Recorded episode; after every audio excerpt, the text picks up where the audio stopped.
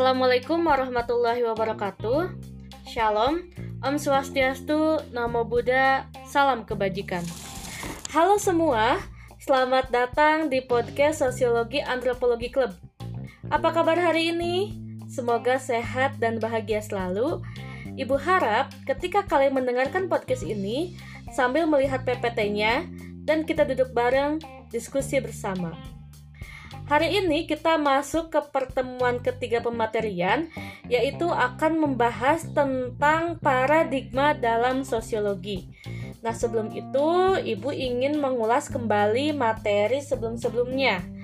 Nah, minggu kemarin kita sudah masuk ke tentang tokoh-tokoh yang ada di sosiologi. Ada yang ingat ada siapa aja? Nah, sosiologi, tokoh-tokoh sosiologi itu dibagi menjadi dua bagian ya. Ada sosiologi modern dan juga ada sosiologi klasik. Nah, tetapi yang paling terkenalnya memang sosiologi klasik ya, yang paling terkenal gitu. Nah, sosiologi klasik itu ada siapa aja? Coba, mas, mas ada yang masih ingat? Oke, ada August Comte ya. August Comte itu bapak sosiologi dunia. Terus yang kedua ada siapa? Ada Emil Durkheim, ada Max Weber, dan juga ada Karl Marx. Nah, itu adalah para tokoh sosiologi klasik. Nah, untuk tokoh sosiologi modernnya itu ada siapa? Nah, betul, ada Peter Alberger, ada Leopard Panuis, ada Alper Pican, dan yang terakhir adalah Gabriel Tarde, gitu ya. Nah, itu adalah para tokoh sosiologi modern yang harus kita pahami. Karena biasanya muncul di apa ya di ulangan-ulangan ya di ulangan-ulangan dan juga kuis selalu muncul Oke, kita akan masuk ke pertemuan ketiga, yaitu kita akan membahas tentang paradigma dalam sosiologi. Jadi, apa aja sih yang akan dibahas dalam sosiologi? Nah, kita sudah masuk ke inti sosiologinya. Mungkin kemarin-kemarin baru perkenalan, terus tokoh-tokohnya juga baru perkenalan. Nah, sekarang kita akan membahas apa itu sosiologi. Jadi, kita akan membahas sosiologi itu membahas apa aja sih gitu ya. Masalah-masalah apa aja yang dikaji dalam sosiologi. Nah kita akan masuk ke poin itu gitu ya. Oke okay. eh, sosiologi ilmu pengetahuan berparadigma ganda. Paradigma itu adalah suatu pandangan yang mendasar dari suatu disiplin ilmu tentang apa yang menjadi pokok persoalan yang dipelajari semestinya. Artinya, paradigma ini adalah menjelaskan tentang persoalan, pokok persoalan apa aja sih yang akan dibahas di sosiologi. Nah, ada tiga poin yang akan dibahas dalam sosiologi. Yang pertama ada paradigma fakta sosial. Jadi sosiologi itu menjelaskan tentang fakta sosial. Nah, mungkin fakta sosial kita sudah paham ya, sudah dijelaskan di tokoh-tokoh sosiologi. Jadi tokoh siapa sih yang mencetuskan tentang fakta sosial? Ada yang ingat gak? Ayo, ada yang ingat tokoh yang menjelaskan tentang fakta sosial? Ayo, siapa yang tokoh sosial? Nah, betul yaitu Emil Durkheim. Jadi Emil Durkheim ini menjelaskan tentang fakta-fakta sosial. Nah, jadi menurut Emil Durkheim ada dua bentuk yang termasuk kepada fakta sosial. Yang pertama ada bentuk material dan juga yang kedua ada bentuk non material. Kalau bentuk material itu sesuatu yang dapat disimak, ditangkap dan diobservasi. Jadi fakta sosial yang merupakan bagian dari dunia nyata, artinya yang terlihat Contohnya seperti apa? Contohnya kayak seperti arsitektur. Arsitektur itu kan membangun rumah. Itu kan kelihatan kan, nyata kan rumahnya ada. Dibangunnya seperti apa. Terus dan juga norma hukum. Norma hukum juga meskipun secara tertulis tapi ada kan, ada ada tindakannya. Kayak misalkan kalau kita melanggar kita akan e, dikenai sanksi. Terus kalau misalkan kita mencuri, kita membunuh, ada kan sanksinya yaitu bisa dipenjara dan lain sebagainya. Nah, itu adalah sesuatu hal yang terlihat. Nah, itu yang disebut dengan bentuk material. Jadi sesuatu yang bisa ditangkap, yang bisa disamak dan yang bisa diobservasi. Artinya bagian dari dunia nyata. Nah, sedangkan bentuk non material yaitu sesuatu yang ditangkap nyata. Fakta ini muncul di dalam kesadaran manusia sama aja ditangkap nyata, cuman yang membedakannya itu adalah ini muncul dalam kesadaran manusia. Contohnya seperti apa? Contoh seperti egois. Egois kan muncul dalam diri kita kan? Egois. Terus opini, pendapat kita, perspektif kita, opini tentang misalkan tentang uh, hukum di Indonesia. Nah, itu kan opini kita. Jadi uh, muncul dalam kesadaran kita. Nah, itu yang disebut sebagai bentuk non material. Nah, itu yang disebut sebagai paradigma fakta sosial. Nah, selanjutnya ada paradigma definisi sosial. Jadi, paradigma definisi sosial ini mengacu pada Max Weber, yaitu menjelaskan tentang tindakan sosial. Ada yang masih ingat tindakan sosial itu apa? Jadi, paradigma ini, tindakan sosial ini menganggap bahwa manusia merupakan aktor yang kreatif dari realitas sosial. Jadi, manusia dianggap memiliki cukup banyak kebebasan untuk bertindak di luar batas dan kontrol dari fakta sosial. Contohnya, contoh ya, contoh dari tindakan sosial adalah misalkan ibu akan bermain badminton ibu akan apa ya berlatih bermain badminton. Tujuannya adalah ibu ingin juara di SEA Games atau juara di Olimpiade. Jadi ibu berlatih ingin mendapatkan juara di Olimpiade. Nah seperti itu itu yang disebut sebagai tindakan sosial. Atau misalkan contohnya contoh yang kedua adalah seseorang yang ingin berlatih vokal itu dengan tujuan mendapatkan gelar juara pada suatu kontes menyanyi dan dia akan menjadi penyanyi terkenal. Jadi ad, tujuannya itu adalah untuk uh, membuat me, apa diperlihatkan kepada orang lain. Jadi tujuannya itu ada pengikat untuk uh, orang lain terhadap diri kita. Nah, itu yang disebut sebagai paradigma definisi sosial. Nah, yang terakhir adalah paradigma perilaku sosial. Nah, paradigma perilaku sosial ini adalah ada hubungannya dengan faktor lingkungan. Jadi maksudnya, segala perubahan yang terjadi di lingkungan suatu individu maka akan berpengaruh pada perubahan tingkah laku individu. Jadi singkatnya gini, perubahan dari dalam lingkungan itu akan berpengaruh pada diri individu. Jadi individu itu akan ada pengaruh besar terhadap lingkungan. Misalnya gini, kalau masih kalau masih bingung, contohnya seperti ini. Misal, seseorang yang bergaul dengan anak pang, yang setiap hari bermain dengan anak pang, itu akan berbeda pola pikir dan juga pola perilakunya dengan orang yang misalkan dia bergabung dengan rohis misalkan atau misalkan dia akan uh, pasti akan berbeda dengan orang yang bergabung dengan di Karang Taruna. Nah, jadi itu, jadi lingkunganlah yang membentuk suatu pribadi individu. Ya itu pah, bisa dipahami kan ya? Jadi kalau perilaku sosial itu sering berkaitan dengan lingkungan sosial, lingkungan sosial yang terdekat dengan individu. Ya gitu. Jadi misalkan anak pang itu akan berbeda dengan e, perilakunya dengan orang yang biasa gitu ya atau orang yang pada umumnya itu akan berbeda perilakunya gitu nah itu yang disebut sebagai paradigma perilaku sosial nah selanjutnya kita akan masuk ke gejala sosial yang ada di masyarakat. Jadi gejala sosial itu apa? Gejala sosial itu adalah masalah sosial. Masalah sosial yang ada di masyarakat. Nah, kita akan masuk nih ke inti poin sosiologi. Nah, apa aja sih yang apa aja sih yang menjadi bagian dari gejala sosial atau masalah sosial. Nah, pola hubungan antar manusianya tuh seperti apa? Nah, di sini ada beberapa poin yang menjadi pemicu timbulnya suatu gejala atau suatu masalah sosial di masyarakat. Contohnya adalah manusia. Manusia ini menjadi aktor utama yang akan menimbulkan banyak masalah di, di masyarakat gitu ya.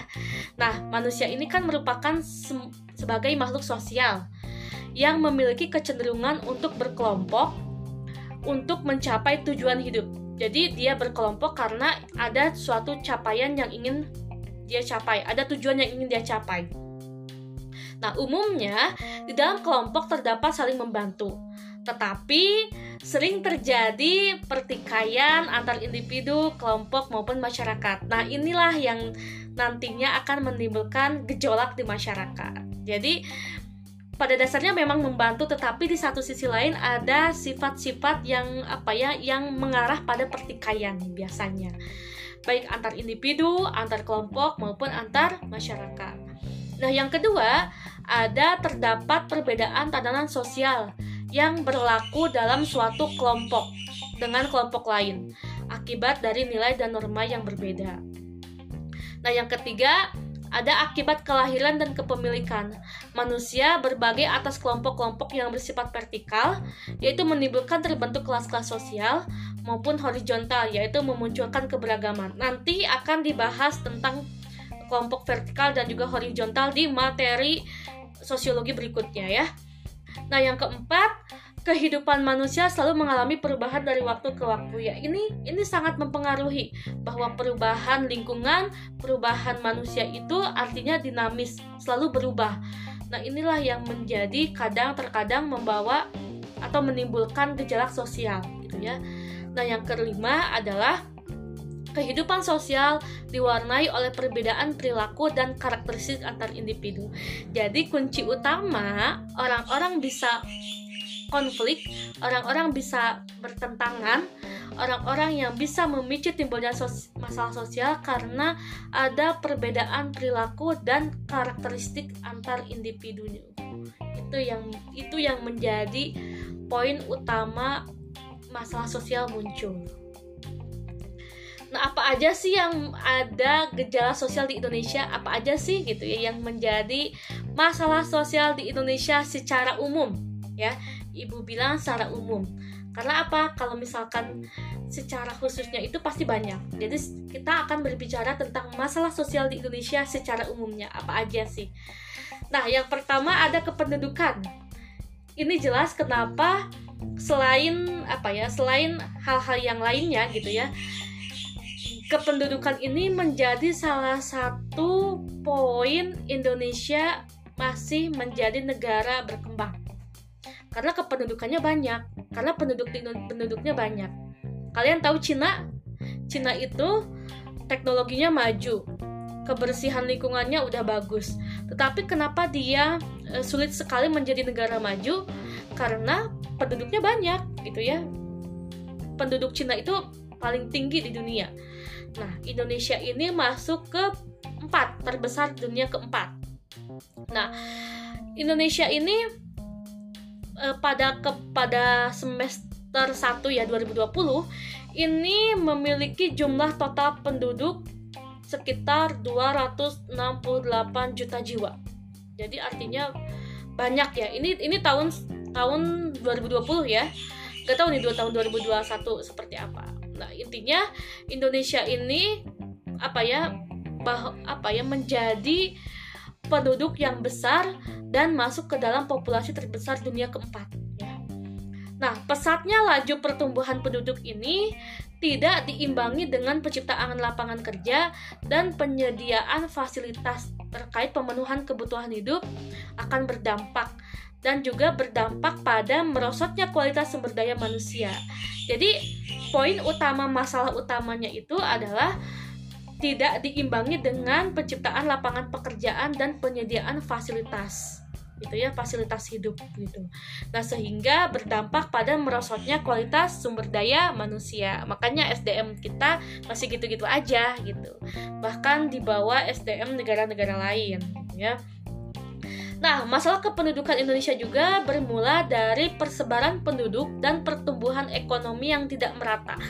Hal ini mengakibatkan adanya kesenjangan sosial antara si miskin dan juga si, ka, si kaya. Oke, okay, nah itu gejala sosial di Indonesia nomor satu kependudukan. Nah, apa aja sih yang berbagai masalah dalam kependudukan? Gitu ya apa aja sih masalahnya? Yang pertama ada benturan sosial antara penduduk asli dengan penduduk pendatang. Biasanya penduduk asli ini menjadi apa ya? Menjadi tergeser gitu karena banyaknya warga pendatang. Akibatnya apa ya? menjadi konflik gitu ya konflik antara menimbulkan konflik dan juga men menimbulkan kecemburuan sosial karena biasanya penduduk asli itu sering kali terpaksa tergusur gitu ya untuk eh, apa ya untuk lahannya itu dipakai untuk warga pendatang. Nah ini biasanya seperti itu. Kalian masih inget gak kasus yang ada di daerah eh, stasiun Bandung? Itu kan di daerah stasiun Bandung itu kan dulunya ada penduduk. Nah itu kan di itu ya di digusur ya karena ada hal-hal terkait dengan masalah gitu ya yang akhirnya tergusur. Nah, itu kan itu kan sebelumnya mereka itu adalah penduduk asli dari sana gitu, tapi akhirnya menjadi korban pergusuran. Nah, itu seperti itu. Nah, yang kedua adalah munculnya pemukiman kumuh. Nah, ini pemukiman kumuh ini biasanya sering kita lihat di mana?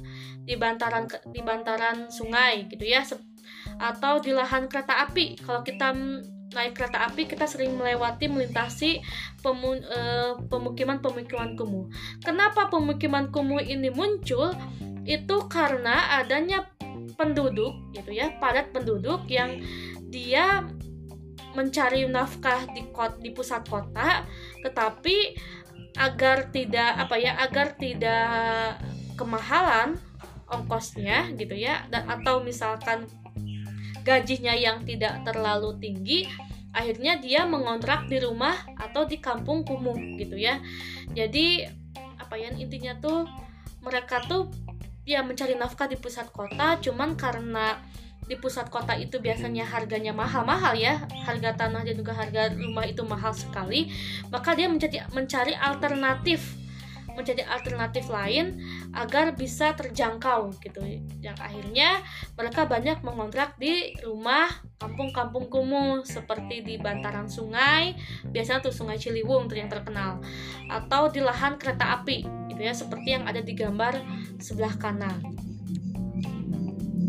Nah, selanjutnya adalah meningkatnya jumlah pengangguran. Ini sudah Ibu jelaskan di slide slide, slide sebelumnya ya bahwa pesatnya kependudukan itu tidak dibarengi dengan jumlah peng, tidak dibarengi dengan e, fasilitas pekerjaan gitu ya. Apa fasilitas pekerjaan. Nah sehingga menyebabkan jumlah pengangguran itu meningkat tiap tahun gitu karena tidak tidak dibarengi dengan lapangan pekerjaan. Tidak dibarengi lapangan pekerjaan akhirnya yaitu e, apa ya jumlah pengangguran tiap tahun meningkat Padahal kita punya badan usaha milik negara BUMN ya, perusahaan swasta dan lain sebagainya, tetapi tetap saja itu tidak menjadi ke, tidak mengimbangi apa ya pengangguran masih tinggi gitu. Nah, terus yang terakhir adalah sulitnya mengakses kualitas pendidikan dan kesehatan. Jadi, masalah-masalah yang timbul dari kependudukan ini poin utamanya itu adalah pendidikan dan kesehatan yang tidak merata. Ini poin utama. Sehingga apa? Sehingga kita tidak memiliki SDM yang baik. Kita tidak memiliki sumber daya manusia yang baik. Sehingga apa? Sehingga jumlah pengangguran meningkat dan juga kependudukan makin banyak tetapi orang SDM-nya sedikit gitu SDM yang baiknya itu sedikit. Nah karena apa ya? Ini poin utamanya itu adalah akses fasilitas pendidikan dan kesehatan masih belum merata di Indonesia. Sehingga kita masih bergelut dengan dengan pengangguran kita masih bergelut dengan uh, kependudukan yang tinggi kita kita masih bergelut dengan ekonomi yang merosot gitu. Nah ini karena fasilitas pendidikan dan kesehatan tidak merata di Indonesia. Gitu ya. Sementara terbatasnya fasilitas kesehatan muncul kasus gizi buruk wabah penyakit pandemi COVID-19 hingga akibat kematian permasalahan yang tidak ditangani oleh petugas kesehatan. Jadi inti poinnya itu ada di sini nih. Sulitnya mengakses kualitas pendidikan dan kesehatan sehingga menyebabkan jumlah pengangguran meningkat, kependudukan yang semakin melebar, terus apalagi ekonomi yang semakin merosot, lalu apalagi SDM, SDM-nya sehingga SDM-nya kurang dan akhirnya kita mengambil SDM dari luar negeri. Contohnya kalau kalian apa ya melihat berita TKA Cina masuk ke Indonesia. Nah, itu karena apa? Karena SDM kita tidak tidak sebaik SDM negara lain gitu sehingga kita mengekspor negara eh, apa SDM negara dari negara lain. Padahal kita kita tuh termasuk penduduk yang paling banyak tapi SDM kita tuh sedikit sumber daya manusia kita tuh sedikit gitu. Nah yang kedua tadi kita tentang sudah menjelaskan tentang kependudukan. Yang kedua adalah kejahatan. Nah kejahatan ini ada tipe-tipenya ya. Nah ini harus dipahami. Yang pertama ada kejahatan tanpa korban ini suatu kejahatan yang menjadikan pelaku sebagai korban tindakannya sendiri. Contoh kayak seperti apa berjudi narkoba. Nah itu termasuk ke dalam kejahatan tanpa korban atau bunuh diri. Nah itu kejahatan tanpa korban. Terus yang kedua ada kejahatan terorganisir. Ini biasanya tindakannya itu secara berkomplotan dan berkesinambungan serta memiliki jaringan untuk memperoleh uang atau kekuasaan dengan melanggar hukum. Contohnya apa? Contohnya kayak misalkan hasil kejahatan dan perjudian gelap. Ya, perjudian gelap tuh yang biasanya itu berkaitan dengan eh, apa ya penguasa yang ingin mem, apa ya yang ingin berkuasa dengan melanggar hukum atau biasanya ini selalu berkaitan dengan an, kejahatan antar negara gitulah intinya mah yang ketiga ada kejahatan terorganisir dan transnasional ini biasanya eh, kejahatannya itu melampaui batas negara. Biasanya seperti apa? Contohnya kayak penyeludupan uang pencucian uang atau perdagangan manusia. Dan e, perdagangan perdagangan manusia, perdagangan organ tubuh dan penyelundupan dan lain sebagainya. Jadi ini kejahatan yang memang melampaui batas negara oleh organisasi kejahatan yang memiliki jaringan global, jaringan di semua negara. Terus ada kejahatan kerah putih. Nah, kejahatan kerah putih ini contohnya apa? Contohnya kayak korupsi. Korupsi itu termasuk ke dalam kejahatan kerah putih. Nah, yang terakhir adalah kejahatan perusahaan. Kejahatan perusahaan ini dilakukan atas nama organisasi formal dengan tujuan untuk menaikkan keuntungan dan menekankan kerugian. Gitu. Nah, terakhir adalah masalah sosial di Indonesia tuh apa aja? Jadi selain tadi tentang kependudukan, terus sekarang keduanya itu ada kejahatan, dan yang ketiga adalah lingkungan hidup. Nah, ini termasuk masalah sosial di Indonesia. Apalagi Indonesia itu kan negara apa ya? Negara eh, paru-parunya dunia ya. Jadi termasuk pada paru-paru dunia itu kan adanya di Indonesia ya di Kalimantan.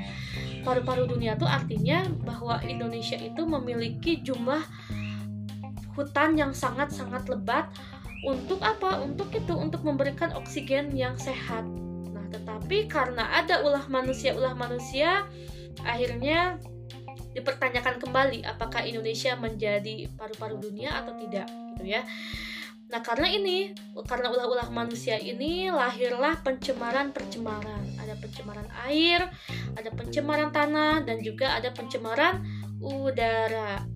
Pencemaran air karena biasanya ini sering dipakai di atau sering terjadi di apa pabrik-pabrik yang limbahnya itu di apa ya dialirkan ke sungai. Limbah pabriknya itu dialirkan ke sungai. Sehingga apa ya sehingga sungai air air sungai itu menjadi kotor. Kalau misalkan air sungai menjadi kotor ya kita tidak bisa makai. Kita tidak bisa makai. Selain kita tidak bisa memakai itu juga akan membunuh hewan-hewan dan juga tumbuhan yang ada di sekitar sungai. Nah gitu ya. Dan juga apa ya sawah sawah di Indonesia itu semakin hari semakin sempit semakin hilang gitu diganti dengan pabrik-pabrik atau perumahan-perumahan. Nah terus yang kedua ada pencemaran tanah. Nah ini pencemaran tanah ini disebabkan oleh limbah anorganik yang berupa plastik logam dan kalet dan karang gitu ya yang sulit terurai sehingga menurunkan kesuburan tanah pencemaran tanah juga bisa di, bisa dikaitkan dengan yaitu sekarang di hutan eh di apa ya di gunung di bukit itu sudah menjadi apa ya sudah ditanami apa namanya itu sudah ditanami eh, perumahan dibandingkan ditanami eh, tumbuh-tumbuhan. Nah itu termasuk kepada pencemaran tanah juga. Jadi tanah itu menjadi kotor tanah itu menjadi keras sehingga tanah tidak bisa menyerap air ketika hujan. Akhirnya apa? Banjir. Paham? Jadi itulah masalah masalah itu masalah itu tuh muncul dari dari apa? Dari tangan-tangan manusia ya. Jadi inti poinnya adalah tanah semakin keras lalu tidak dia tidak bisa menyerap air. Kalau misalkan banjir uh, hujan turun maka kalau tidak bisa menyerap air maka akan menimbulkan banjir yang besar nah yang terakhir adalah pencemaran udara pencemaran udara ini biasanya apa ya unsur-unsurnya itu adalah karbon monoksida, karbon dioksida yang berasal dari knalpot kendaraan. Makanya kenapa kemacetan itu menimbulkan pencemaran udara. Kemacetan itu. Wah, selain kendaraan ada pembakaran bensin, wah pabrik gitu ya, pabrik yang corong-corongnya itu yang hitam-hitam. Nah, itu pencemaran udara. Sehingga apa terjadinya? sehingga terjadinya apa? Pemanasan global. Kalau misalkan pemanasan global berarti suhu suhu di udara kita tuh panas. Kalau panas itu menyebabkan sebagian tumbuh-tumbuhan itu mati. Kalau misalkan sebagian tumbuh-tumbuhan itu mati maka kita tidak bisa bernafas. Karena oksigen itu adalah dari tumbuh-tumbuhan. Jadi saling itu ya jadi saling mempengaruhi gitu jadi karena karena kerakusan manusia kerakusan manusia, maka menyebabkan semua permasalahan itu kena, baik manusia, hewan, dan juga tumbuhan itu kena. Sehingga apa akan menimbulkan penyakit yang ada di masyarakat dan menimbulkan masalah sosial di masyarakat. Itu seperti itu. Mudah dipahami ya? Sosiologi itu menceritakan tentang masalah-masalah sosial. Semoga dipahami, semoga dimengerti ya dan kita menjadi manusia yang beradab, manusia yang berilmu dan manusia yang mencintai lingkungan. Setidaknya agar kita bisa menyelamatkan diri kita, menyelamatkan keluarga dan menyelamatkan anak cucu kita nanti. Terima kasih sudah mendengarkan podcast ini. Jika ada yang belum dipahami, silahkan bisa japri gurunya atau nanti di grup akan dikasih Q&A ya Q&A sosiologi dan antropologi nanti akan pertanyaan bisa disimpan di sana Terima kasih sudah mendengarkan podcast ini. Semoga memahami materi hari ini. Wassalamualaikum warahmatullahi wabarakatuh.